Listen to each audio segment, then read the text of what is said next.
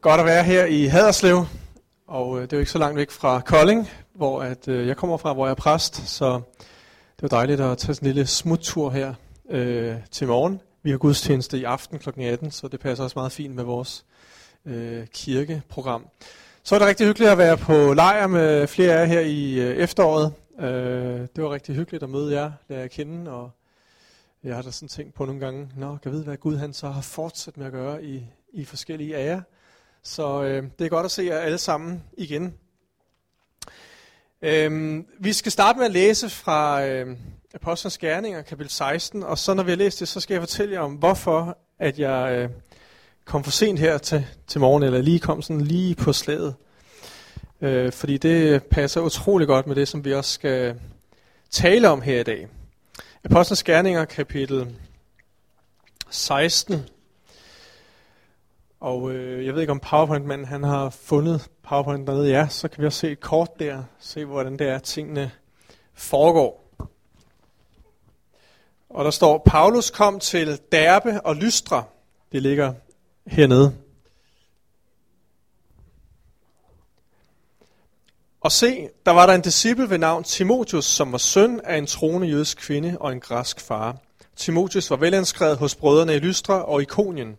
Ham ville Paulus gerne have med til at have tilrejse med sig, så han omskår ham af hensyn til jøderne i de egne, for alle vidste, at hans far var græker.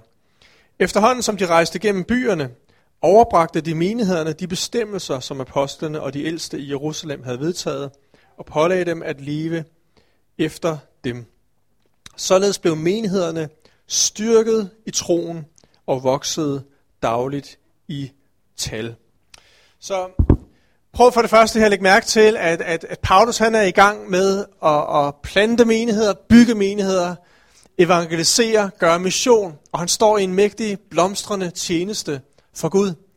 Vi ved jo, at hele den daværende verden blev jo forvandlet på grund af evangeliet, på grund af Jesus og hans disciple, som blev fyldt med helligånden, og det begyndte at forkynde Guds ord, og tusindvis af mennesker blev frelst.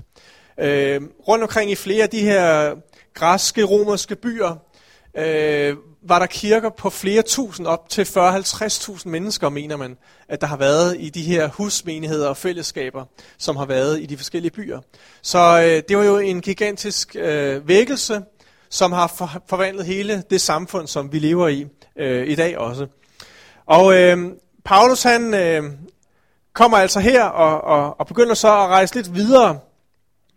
Og der står, at han han øh, fortsætter med at øh, styrke menighederne, så de voksede dagligt i tal. Det må være fantastisk at stå i sådan en tjeneste, ikke også? Og opleve, at, øh, at øh, Jesus han er så virkelig, at han forvandler menneskers liv, og mennesker, som er langt væk fra Gud, begynder at tro på ham, begynder at leve med ham.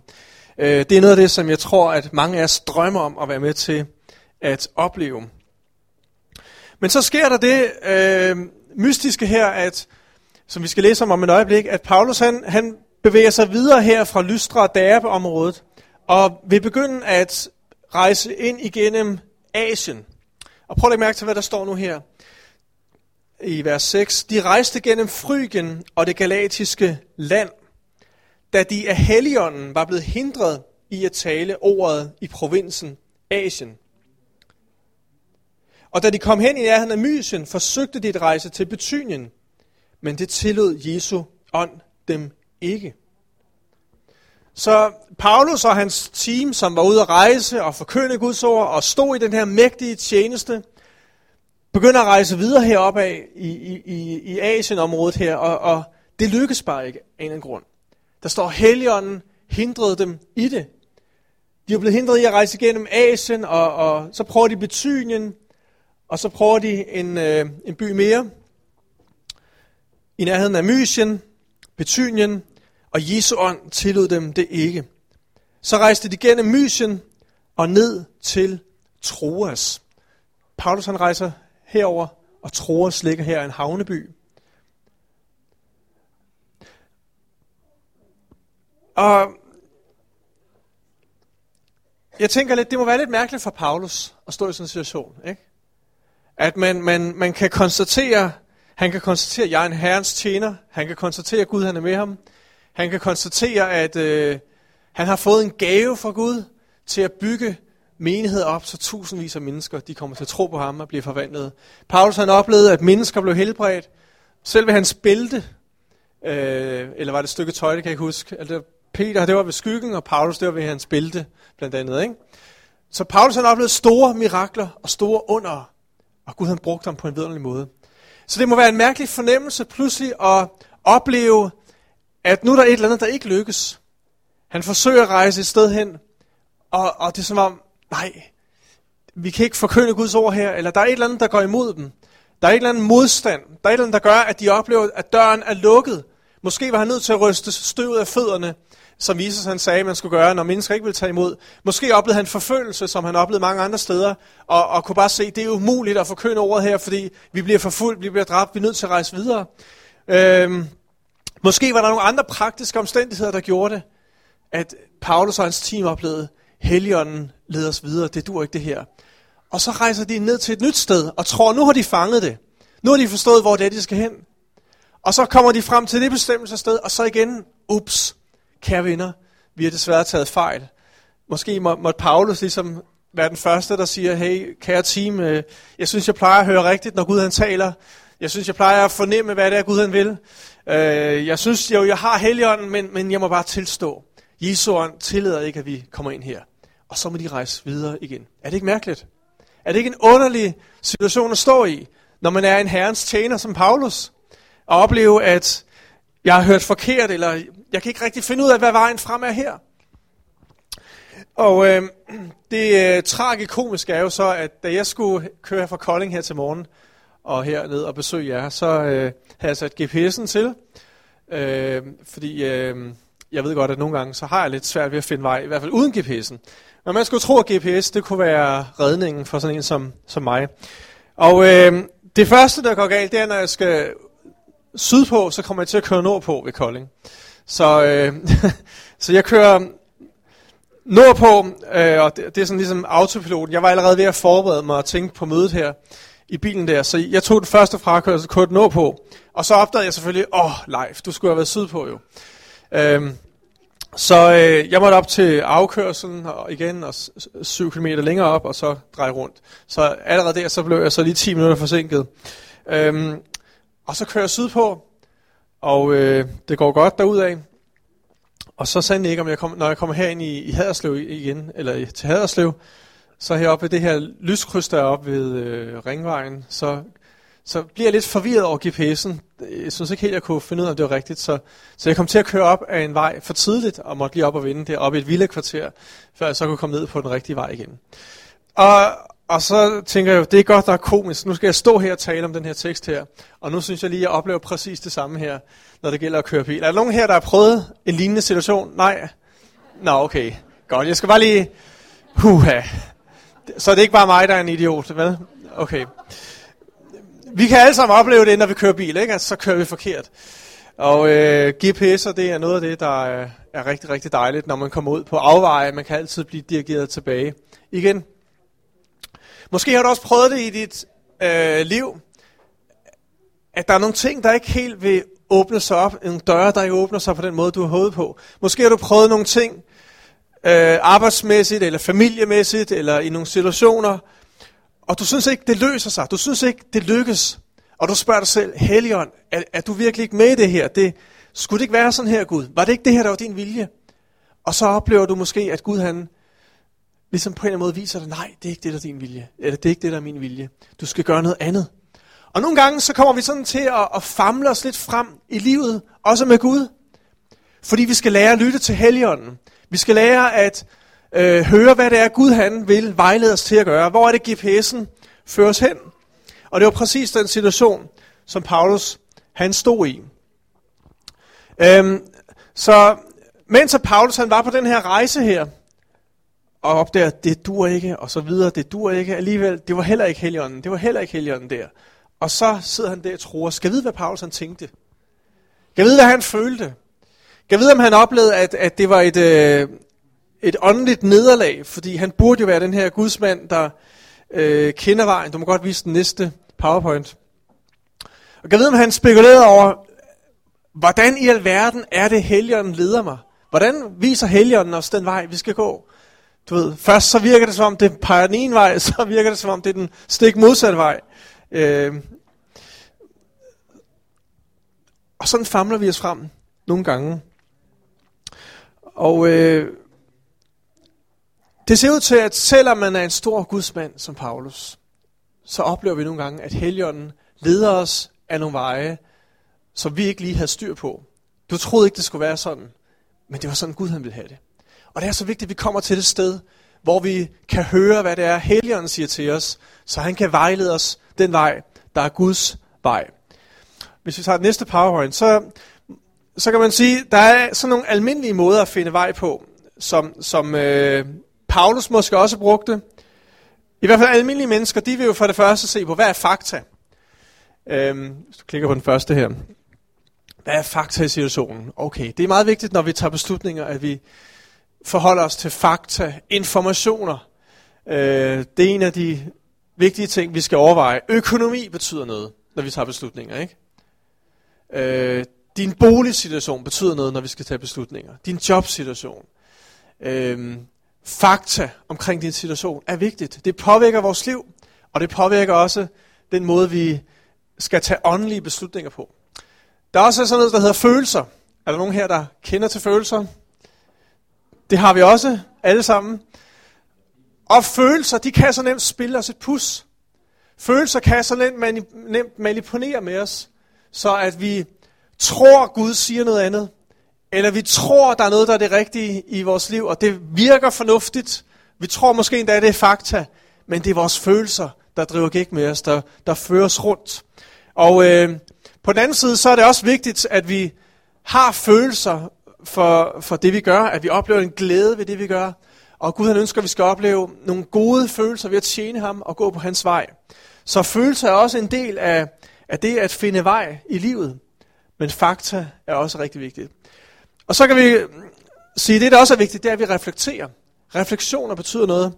At jeg begynder at tænke, at her er fakta, her er følelser, og hvad, hvad er så mine refleksioner på det? Hvordan kan jeg analysere situationen og, og øh, kan vide, hvad der er den rigtige vej frem her?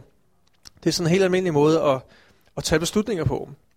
Vi kan også spørge vores familie, familiemedlemmer, hvad, hvad, hvad synes I om det her? Hvad synes I, vi skal gøre?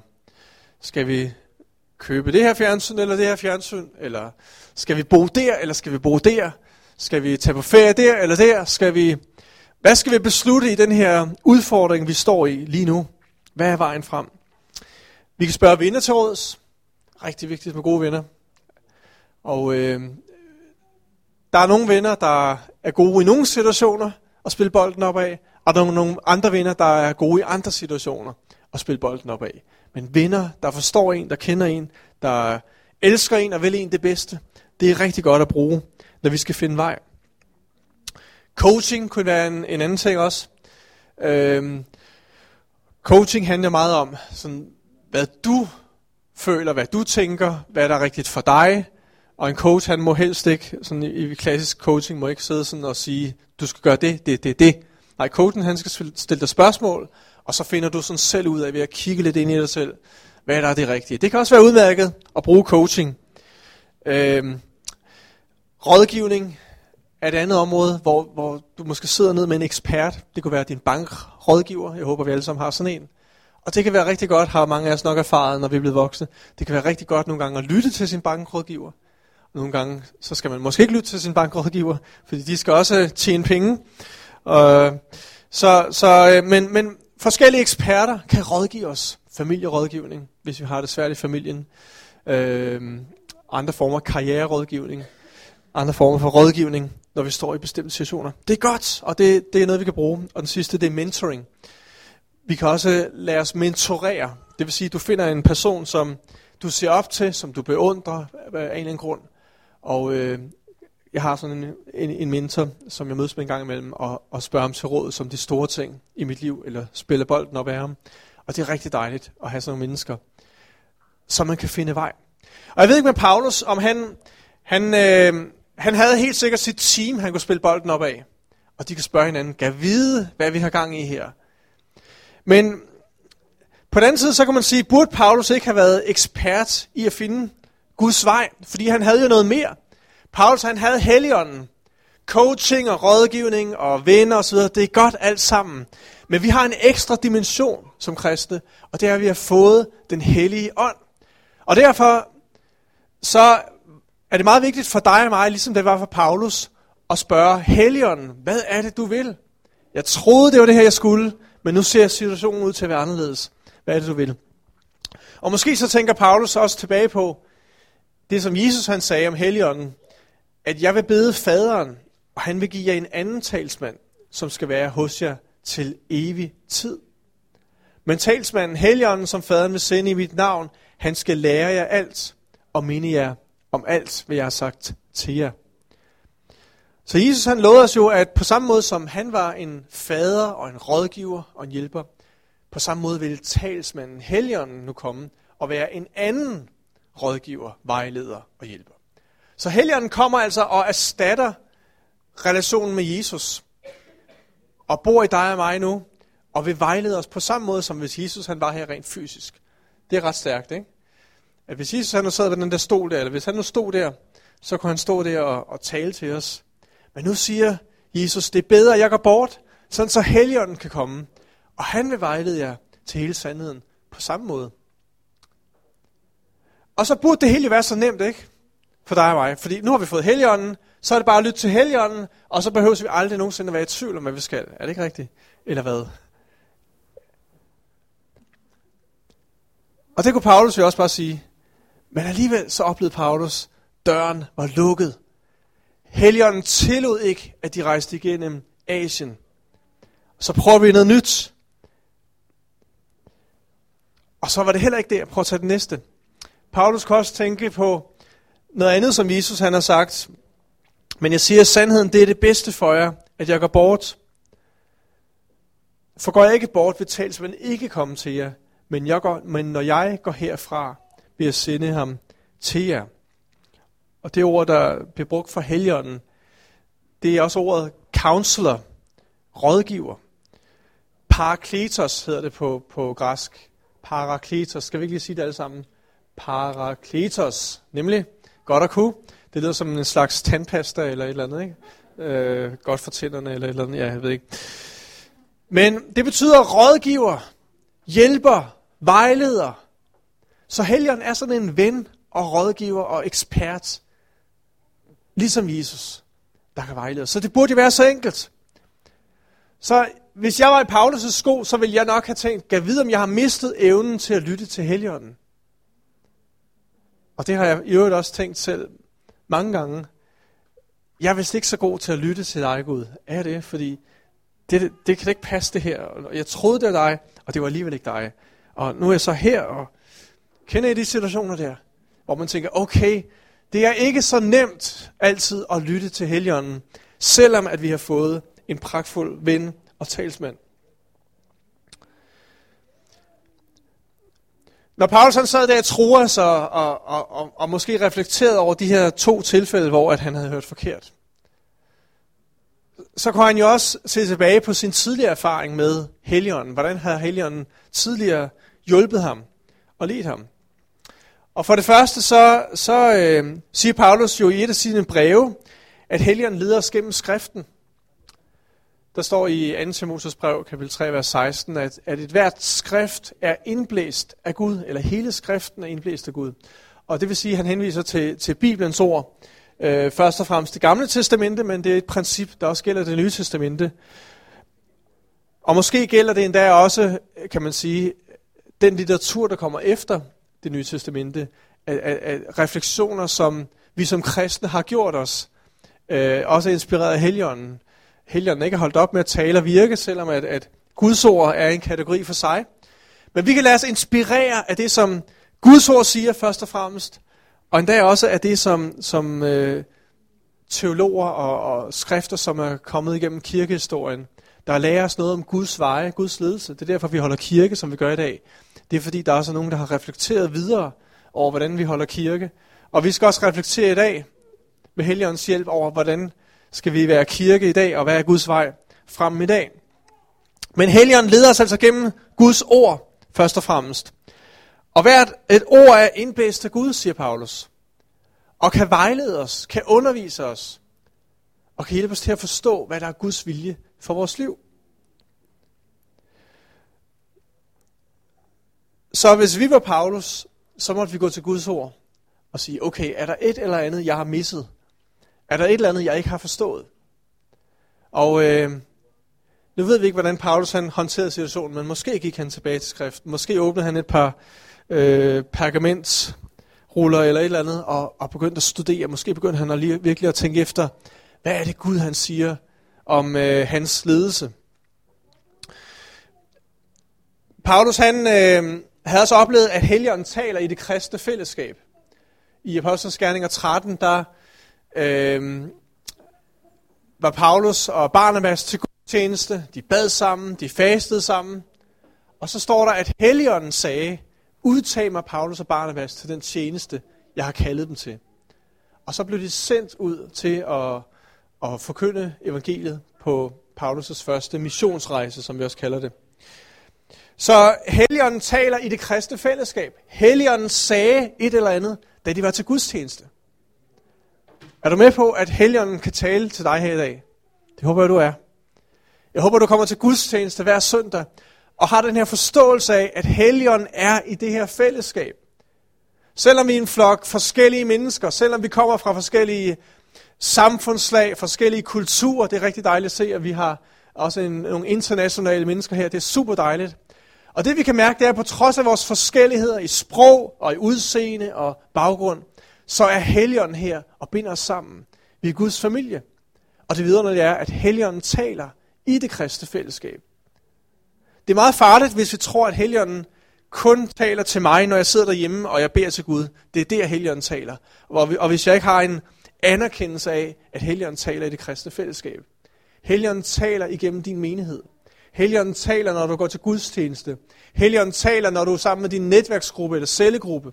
Helligånden taler, når du er sammen med venner, som elsker Jesus, og, og, og som ønsker at følge ham og tjene ham. Der taler Helligånden. Så Paulus han kunne også tænke tilbage på det. Dengang han blev sendt ud på missionsmarken første gang.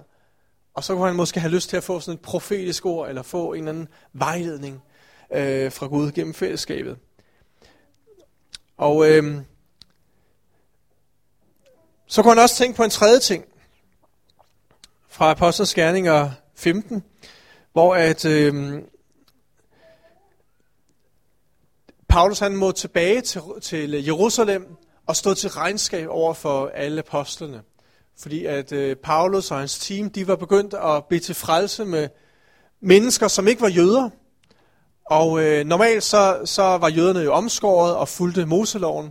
Men Paulus og Barnabas, de underviste, at de her nye kristne, de behøver ikke at blive omskåret. De behøver ikke at følge Moseloven for at være kristne. De har forstået evangeliet i et nyt lys, at nu er det det indre, der gælder, det er hjertet, det gælder, og øh, for at være en del af Guds folk, behøves man ikke at, at blive jøde. Øhm, og øhm,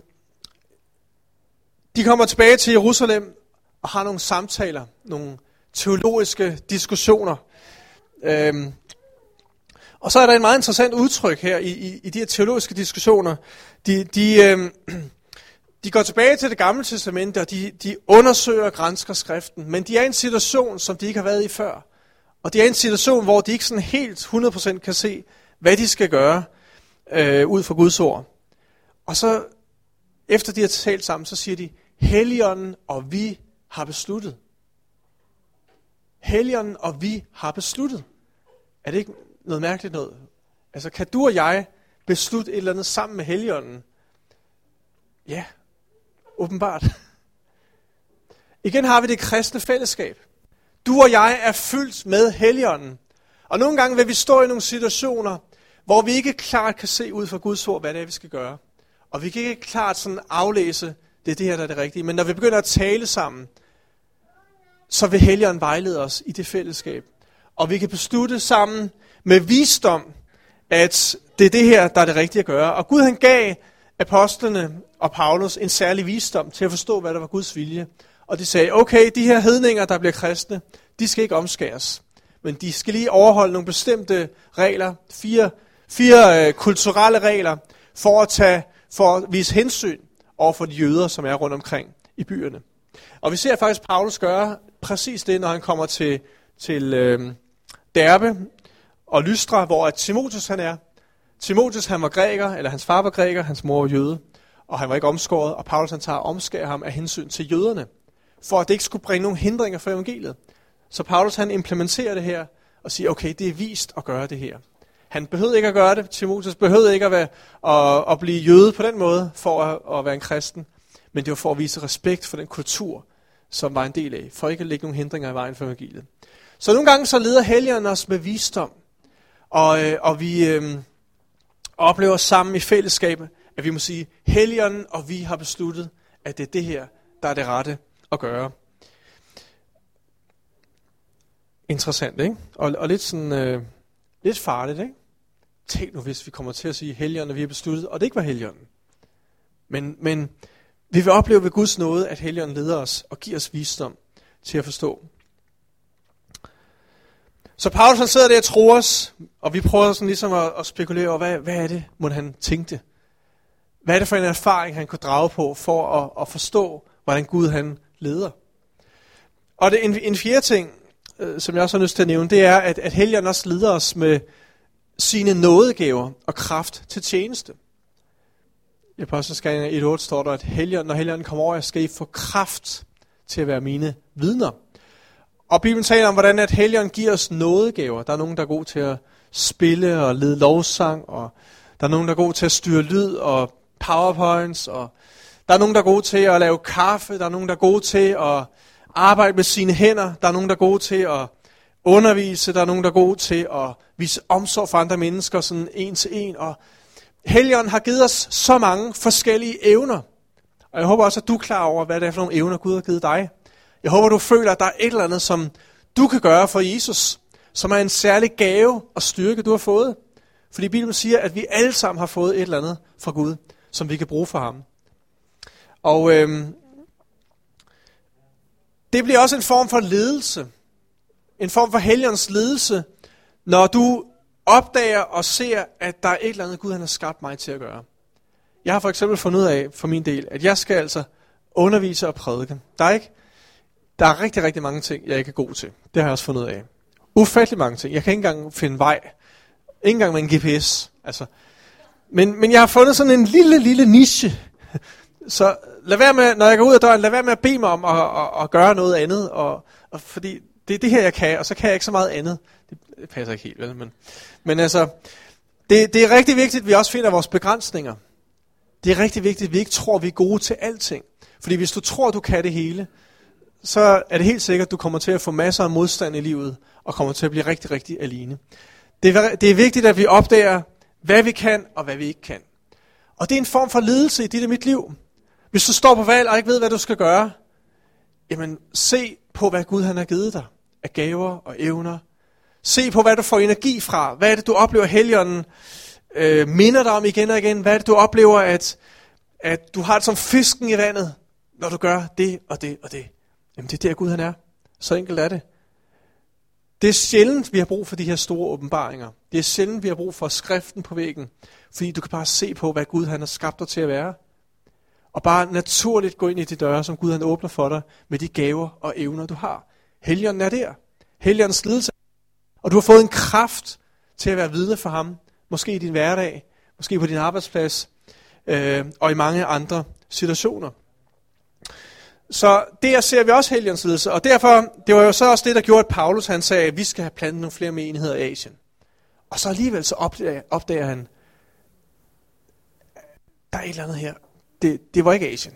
Nå, så skal vi plante nogle menigheder i, i den næste by der, og de rider det hen, gadagong, gadagong, gadagong, på en hest, eller hvordan, ikke? Og tænker, det bliver godt. Måske så begyndte de sådan der, mens de red eller gik afsted, så begyndte de at, at tale lidt i tunger, ikke? Fordi Paulus han sagde, han, han talte rigtig meget tunger, ikke? Så det begynder bare, måske hele teamet der, de guidede sig selv op, sådan som en rigtig pinsekirke, ikke også? Øh, nu er jeg jo pinsekirke, og de begyndte bare at råbe afsted, ikke? Og, og sådan gør vi ikke så meget mere, heldigvis. Men, men du ved, kender I de der situationer, sådan, når man lige er sig selv, ikke? og man guider bare hinanden op. Ja, yeah, det er bare Gud det her. Når nu vi kommer hen til den her by, så skal vi bare give den fuld skalle. Og øh, de begyndte at synge lovsange, og de begyndte at sige, halleluja, hvor bliver det godt. Gud har lukket en dør der, men nu er vi på rette vej. Og, og du ved, Timotheus, når vi kommer derhen, så sørger du for det, og du skal sørge for det, og de har måske planlagt det hele. Og så kommer de ind til den her by her, fyldt med helgerens kraft. De er inden for skriften, de, er, de har det kristne fællesskab på plads, og de har visdom. Ja, selvfølgelig er det der Gud. Og de har deres nådegave og deres kald. Det bliver godt det her. Og hvad sker der så? Antiklimaks. Endnu en gang oplever de, det var heller ikke Gud. Jesu ånd tillod dem det ikke. Mystisk. Altså, helt ærligt, har du været der? Jeg har været der. Jeg kender det, det, det tror jeg også, du gør. At nogle gange så, selvom vi er let af heligånden, selvom vi har det her vigtige, vigtige grundlag på plads, så er der stadigvæk et eller andet, der gør, vi famler os frem. Gud, hvor er du henne? Gud, jeg forstår ikke det her. Gud, vi havde så mange bønnemøder, vi havde bøn og faste, vi gjorde det og det og det, og alligevel var det ikke dig. Og, og, og jeg ved ikke om jeg ved ikke om Paulus han lærte noget nyt. Øh, øh, øh, øh, det tror jeg han gjorde. Der er en ting der mangler, hvis vi prøver at tage den næste PowerPoint. Måske var der en ny læring for Paulus og for os. Og det er, at Helligånden vejleder os også midt i vores omstændigheder. Fordi at, da Paulus han for tredje gang er i en ny by, så står der at i vers 9, at om natten havde Paulus et syn. Der stod en mand fra Makedonien og bad ham, kom over til Makedonien og hjælp os. Da han havde haft det syn, forsøgte vi straks at rejse til Makedonien, for vi forstod, at Gud havde kaldet os til at forkynde evangeliet for dem. Paulus havde været i, i Asien-området, i det nuværende Tyrkiet og, og, og Lille Asien. Og øh, de oplever, at, at Gud nu sender dem over til Grækenland. De skal først ud og sejle, og så afsted og indtage et nyt område for ham. Og øh, man kan sige, hvorfor, hvorfor kunne de ikke bare rejse derhen med det samme? Ikke? Altså, hvorfor kunne helgerne ikke bare vise dem med det samme, at det er det, jeg skal hen? I stedet for al den her spildtid. Og øh, det, det tror jeg vi kan svare på. Men, men, men måske så var Paulus ikke i stand til at høre fra Gud, før han havde været den her proces igennem. Måske var der et eller andet, der skulle brydes ned i hans tankemønster. Eller måske så, så øh, var der nogle, bare nogle omstændigheder, der gjorde, at det var ikke det. Men så var der en ny vej. Så Helligånden leder os igennem vores omstændigheder. Helligånden åbner og lukker også døre for os. Og nogle gange, når du møder en lukket dør i dit liv, så, så kan det være, at den dør skal sparkes op, fordi det er Guds vilje, den skal sparkes op. Så spark den op. Okay? Men andre gange, så den her lukkede dør, det her nej, du får i bøn, den her omstændighed, der gør, at åh, det fungerer bare ikke. Det er drøn irriterende, og jeg troede, det var Guds vilje, men det fungerer bare ikke. Der er lukket. Nogle gange så er det Gud. Nogle gange så er det Helligånden. Og der står en vigtig ting her, at når Paulus han oplever det her syn i, om natten, så står der også, at de forstod, at Gud havde kaldet os til Grækenland. Så jeg vil også sige egentlig, at, at du kan endda have nogle drømme. Du kan endda få nogle syner. Men det er også vigtigt, at vi lærer at forstå de her syner og de her drømme her. Og det kan også være, at du havde en drøm, og du forstod den på en måde, og så prøver du den af, ligesom Paulus gjorde, og det var ikke det. Drømmen er stadig fra Gud, men det skal måske forstås på en ny måde. Og Paulus han i hvert fald forstod nu, at det er Grækenland, vi skal til. Og så åbnede dørene så op i, i Filippi, og der kom en mægtig vækkelse der. Øhm, så øhm, spørgsmålet er, hvordan, hvordan leder Gud os? Det kan være komplekst nogle gange, ikke? Men Gud han leder os også igennem vores omstændigheder. Skal vi tage den næste powerpoint? Så jeg, jeg ved ikke, hvordan, hvordan du har det her i dag. Om, om, er du, måske er du i tvivl. Måske mangler du visdom eller indsigt. Måske har du brug for et svar. Og måske spørger du, hvor er Guds svar henne? Hvor er Guds vej for mig? Og jeg tror, at Helligånden ofte vil lære os, at han er midt i vores virkelighed. Helligånden er ikke virkelighedsfjern. Helligånden er ikke kun nærværende på gudstjenesten. Helligånden er ikke kun i skriften, men Helligånden er alle steder. Ligesom Gud er alle steds nærværende, er Helligånden over det hele.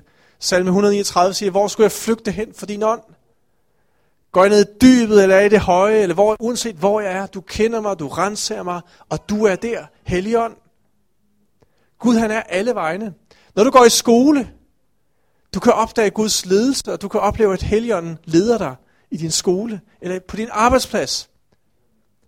Og du spekulerer måske, hvorfor i alverden er jeg på den her arbejdsplads? Kunne jeg ikke bare rejse til Afrika og forkynde Guds ord, og der er dejligt varmt, og det sner ikke, og, og sådan nogle ting der, ikke? Eller du kunne drømme dig et andet sted hen. Men måske så prøver Gud og Helligånden at sige til dig, nej, kære ven, jeg har plantet dig der, hvor du er, på dit job, på din arbejdsplads, i den situation, du er i, fordi jeg vil bruge dig der. Det er så vigtigt, at vi lærer at forstå Helligånden, at han er i vores omstændigheder.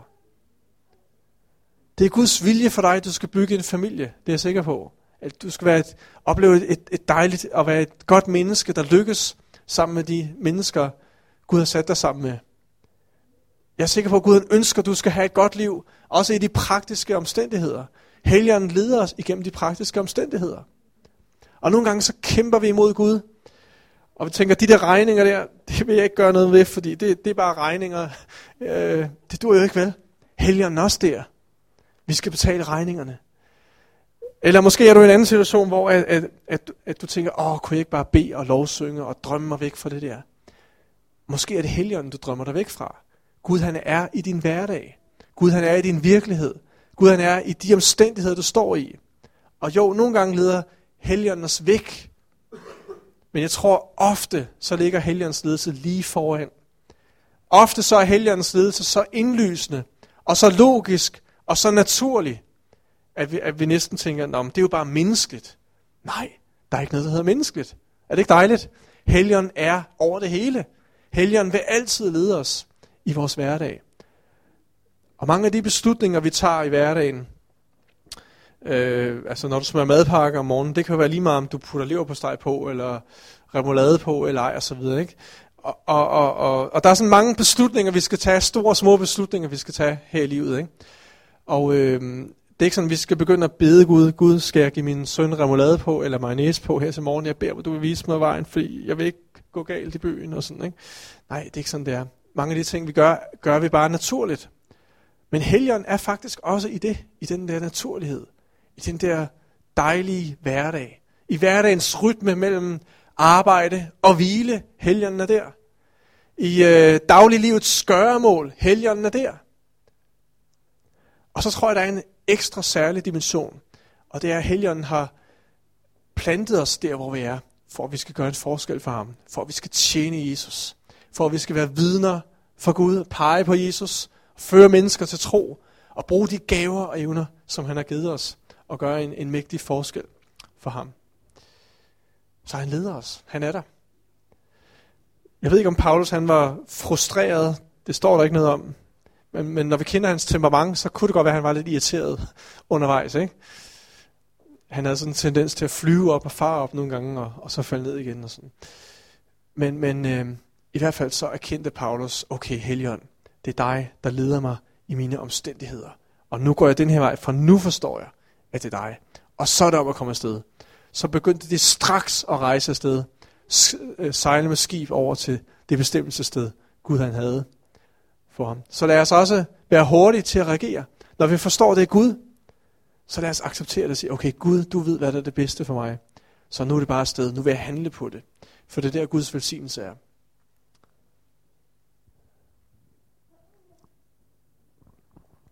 Må jeg stille dig et spørgsmål? Hvad er det, Gud velsigner i dit liv? Hvad er det, der lykkes for dig? Helgen er der. Hvor er det, du oplever, der er fred, og, og du har en glæde ved det, du gør? Jamen, helgen er der. Jeg er sikker på, at helgen har ledt dig der. Så er der måske også nogen, der har nogle drømme og nogle visioner, og, og, og, og du ønsker, at du skal være et andet sted i, i dit liv på en eller anden måde. Det kan også godt være Helligånden, der begynder at, at lede dig videre, men det er vigtigt, at du lytter til Helligånden, ligesom Paulus, og forstår, hvordan Helligånden leder os på mange forskellige måder. Men du kan være sikker på, at Helligånden vil lede dig. Og nogle gange skal vi lige tage nogle små skridt i tro. Og det kan godt være, at, at du sådan i første omgang lige går i gang med et eller andet, der ikke lige var Gud, men, men nu har du bevæget dig. Du er i bevægelse. Og så har Helligånden måske en bedre evne til at tale til os og lede os, end hvis vi bare står stille. For nogle gange så sidder vi og bare og venter. Åh, kan jeg vide, om Jesus han vil bruge mig? Nej, Jesus han vil sikkert ikke bruge mig til noget. Jeg, jeg skal ikke gøre noget. Jeg skal ikke hjælpe hende i kirken, fordi jeg dur sikkert ikke til noget. Du ved. Nej, gå i gang. Lad dig bruge Gud. Tjen Gud i menigheden. Tjen Gud i din hverdag. Og så nogle gange kommer vi til at tage nogle skridt i den forkerte retning, men så leder Helligånden os tilbage. Ligesom GPS'en. Du vender om, og du havner det rigtige sted alligevel. Parakletos. Helligånden er god. Skal vi ikke stå op og bede sammen? Jeg ved ikke, hvad I... Øh, jeg ved ikke, hvad du skal bruge det her til, men øh, det giver stor mening i mit liv. Og øh, jeg tror, mange af os har oplevet at være der, at vi tænker, hvor er du, Helligånd? Men han kommer, han leder os. Skal vi ikke bede sammen? Jesus, tak fordi, at du er her ved din Helligånd. Tak fordi vi er midt i et fællesskab, hvor vi kan sige, Helligånden og vi har besluttet. Tak, vi er et fællesskab, hvor der er visdom, eller hvor vi kan få visdom, og hvor vi kan søge dig og opleve en Helligåndens visdom til at tage de rigtige beslutninger. Tak, fordi vi er i et fællesskab, hvor at Helligånden kan tale gennem profetiske ord, gennem samtaler med hinanden, gennem forbøn for hinanden, og gennem det samvær, vi har. Tak, Helligånd, fordi du er der i vores fællesskab. Tak, Helligånd, fordi du også tager skriften og minder os om, hvad det er, Jesus har sagt. Tak, Helligånd, at du levende gør skriften for os, så vi forstår, hvordan vi skal leve vores liv efter din vilje. Tak, at skriften vejleder os, udruster os, men også formaner os og i rette sætte os, når vi går på gale veje. Kom, Helligånd, og led os igennem Guds ord. Og tak, Jesus, fordi du også har givet os nogle gaver og nogle evner, og du har fyldt os med en kraft til at tjene dig, til at gøre en forskel i den verden, vi lever i. Og tak, at du også vil lede os med den kraft og energi og glæde, vi får af at tjene dig. Halleluja.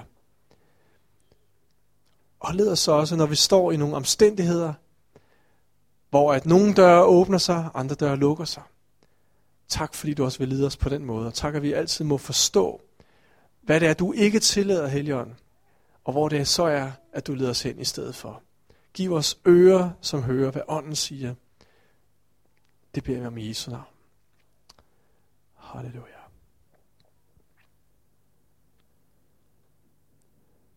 Lad os bare være stille og lytte til Helligånden.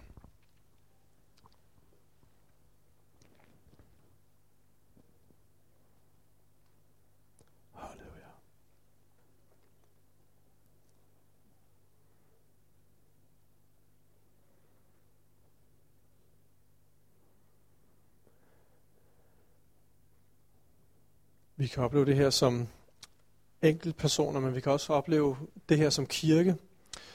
I øh, Pinskirken i Kolding, der øh, besluttede vi sidste søndag at sætte bygningen til salg, fordi vi synes, at vores økonomi er blevet for stram. Og øh, I ved, hvordan det er, at man kan have så meget værdi i ens bygninger.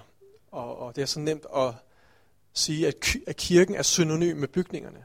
Men Bibelen underviser os jo om, at kirke er ikke bygninger. Kirke er mennesker. Kirke er dig og mig. Så, øh, så vi kom sådan efter en proces til at erkende, okay, øh, sådan her ser virkeligheden ud. Så, så nu har vi sat bygningen til salg, og øh, så må vi se, hvor Gud han leder os hen som, som fællesskab. Og det behøver sikkert være et nederlag, selvom det i første omgang kan være sådan, nå, men det kan være Gud, der leder os videre. Og jeg ved ikke, måske som fællesskab vil I nogle gange også så i lignende situationer, ikke også? Hvor at man skal tænke nyt, man skal tage nogle skridt. Og det kan være helgen, det behøver at være et nederlag. Og det kan også gælde dit og mit liv. Det behøver at være et nederlag, det som Gud han gør. Men det kan være, at han leder dig ind i noget, som er større, noget, som er bedre, men som du ikke kunne se, da du var der i Asien, og du kunne ikke se det, da du var der i den anden by. Men du ser det, når du tager nogle skridt i tro, og så leder Helligånden dig. Så skal vi lige lukke øjnene en gang? Jeg har lyst til at spørge, øh, hvem er der her, som har lyst til lige at sige, Jesus, led mig ved din helligånd. Jeg står i en situation, hvor at, øh, jeg har brug for din ledelse. Vis mig din vej. Så vil jeg gerne bede for dig. Så bare lige løfte en hånd og tage den ned igen. Og så vil jeg bede for dig. Ja, Gud vil dig. Ja. Ja.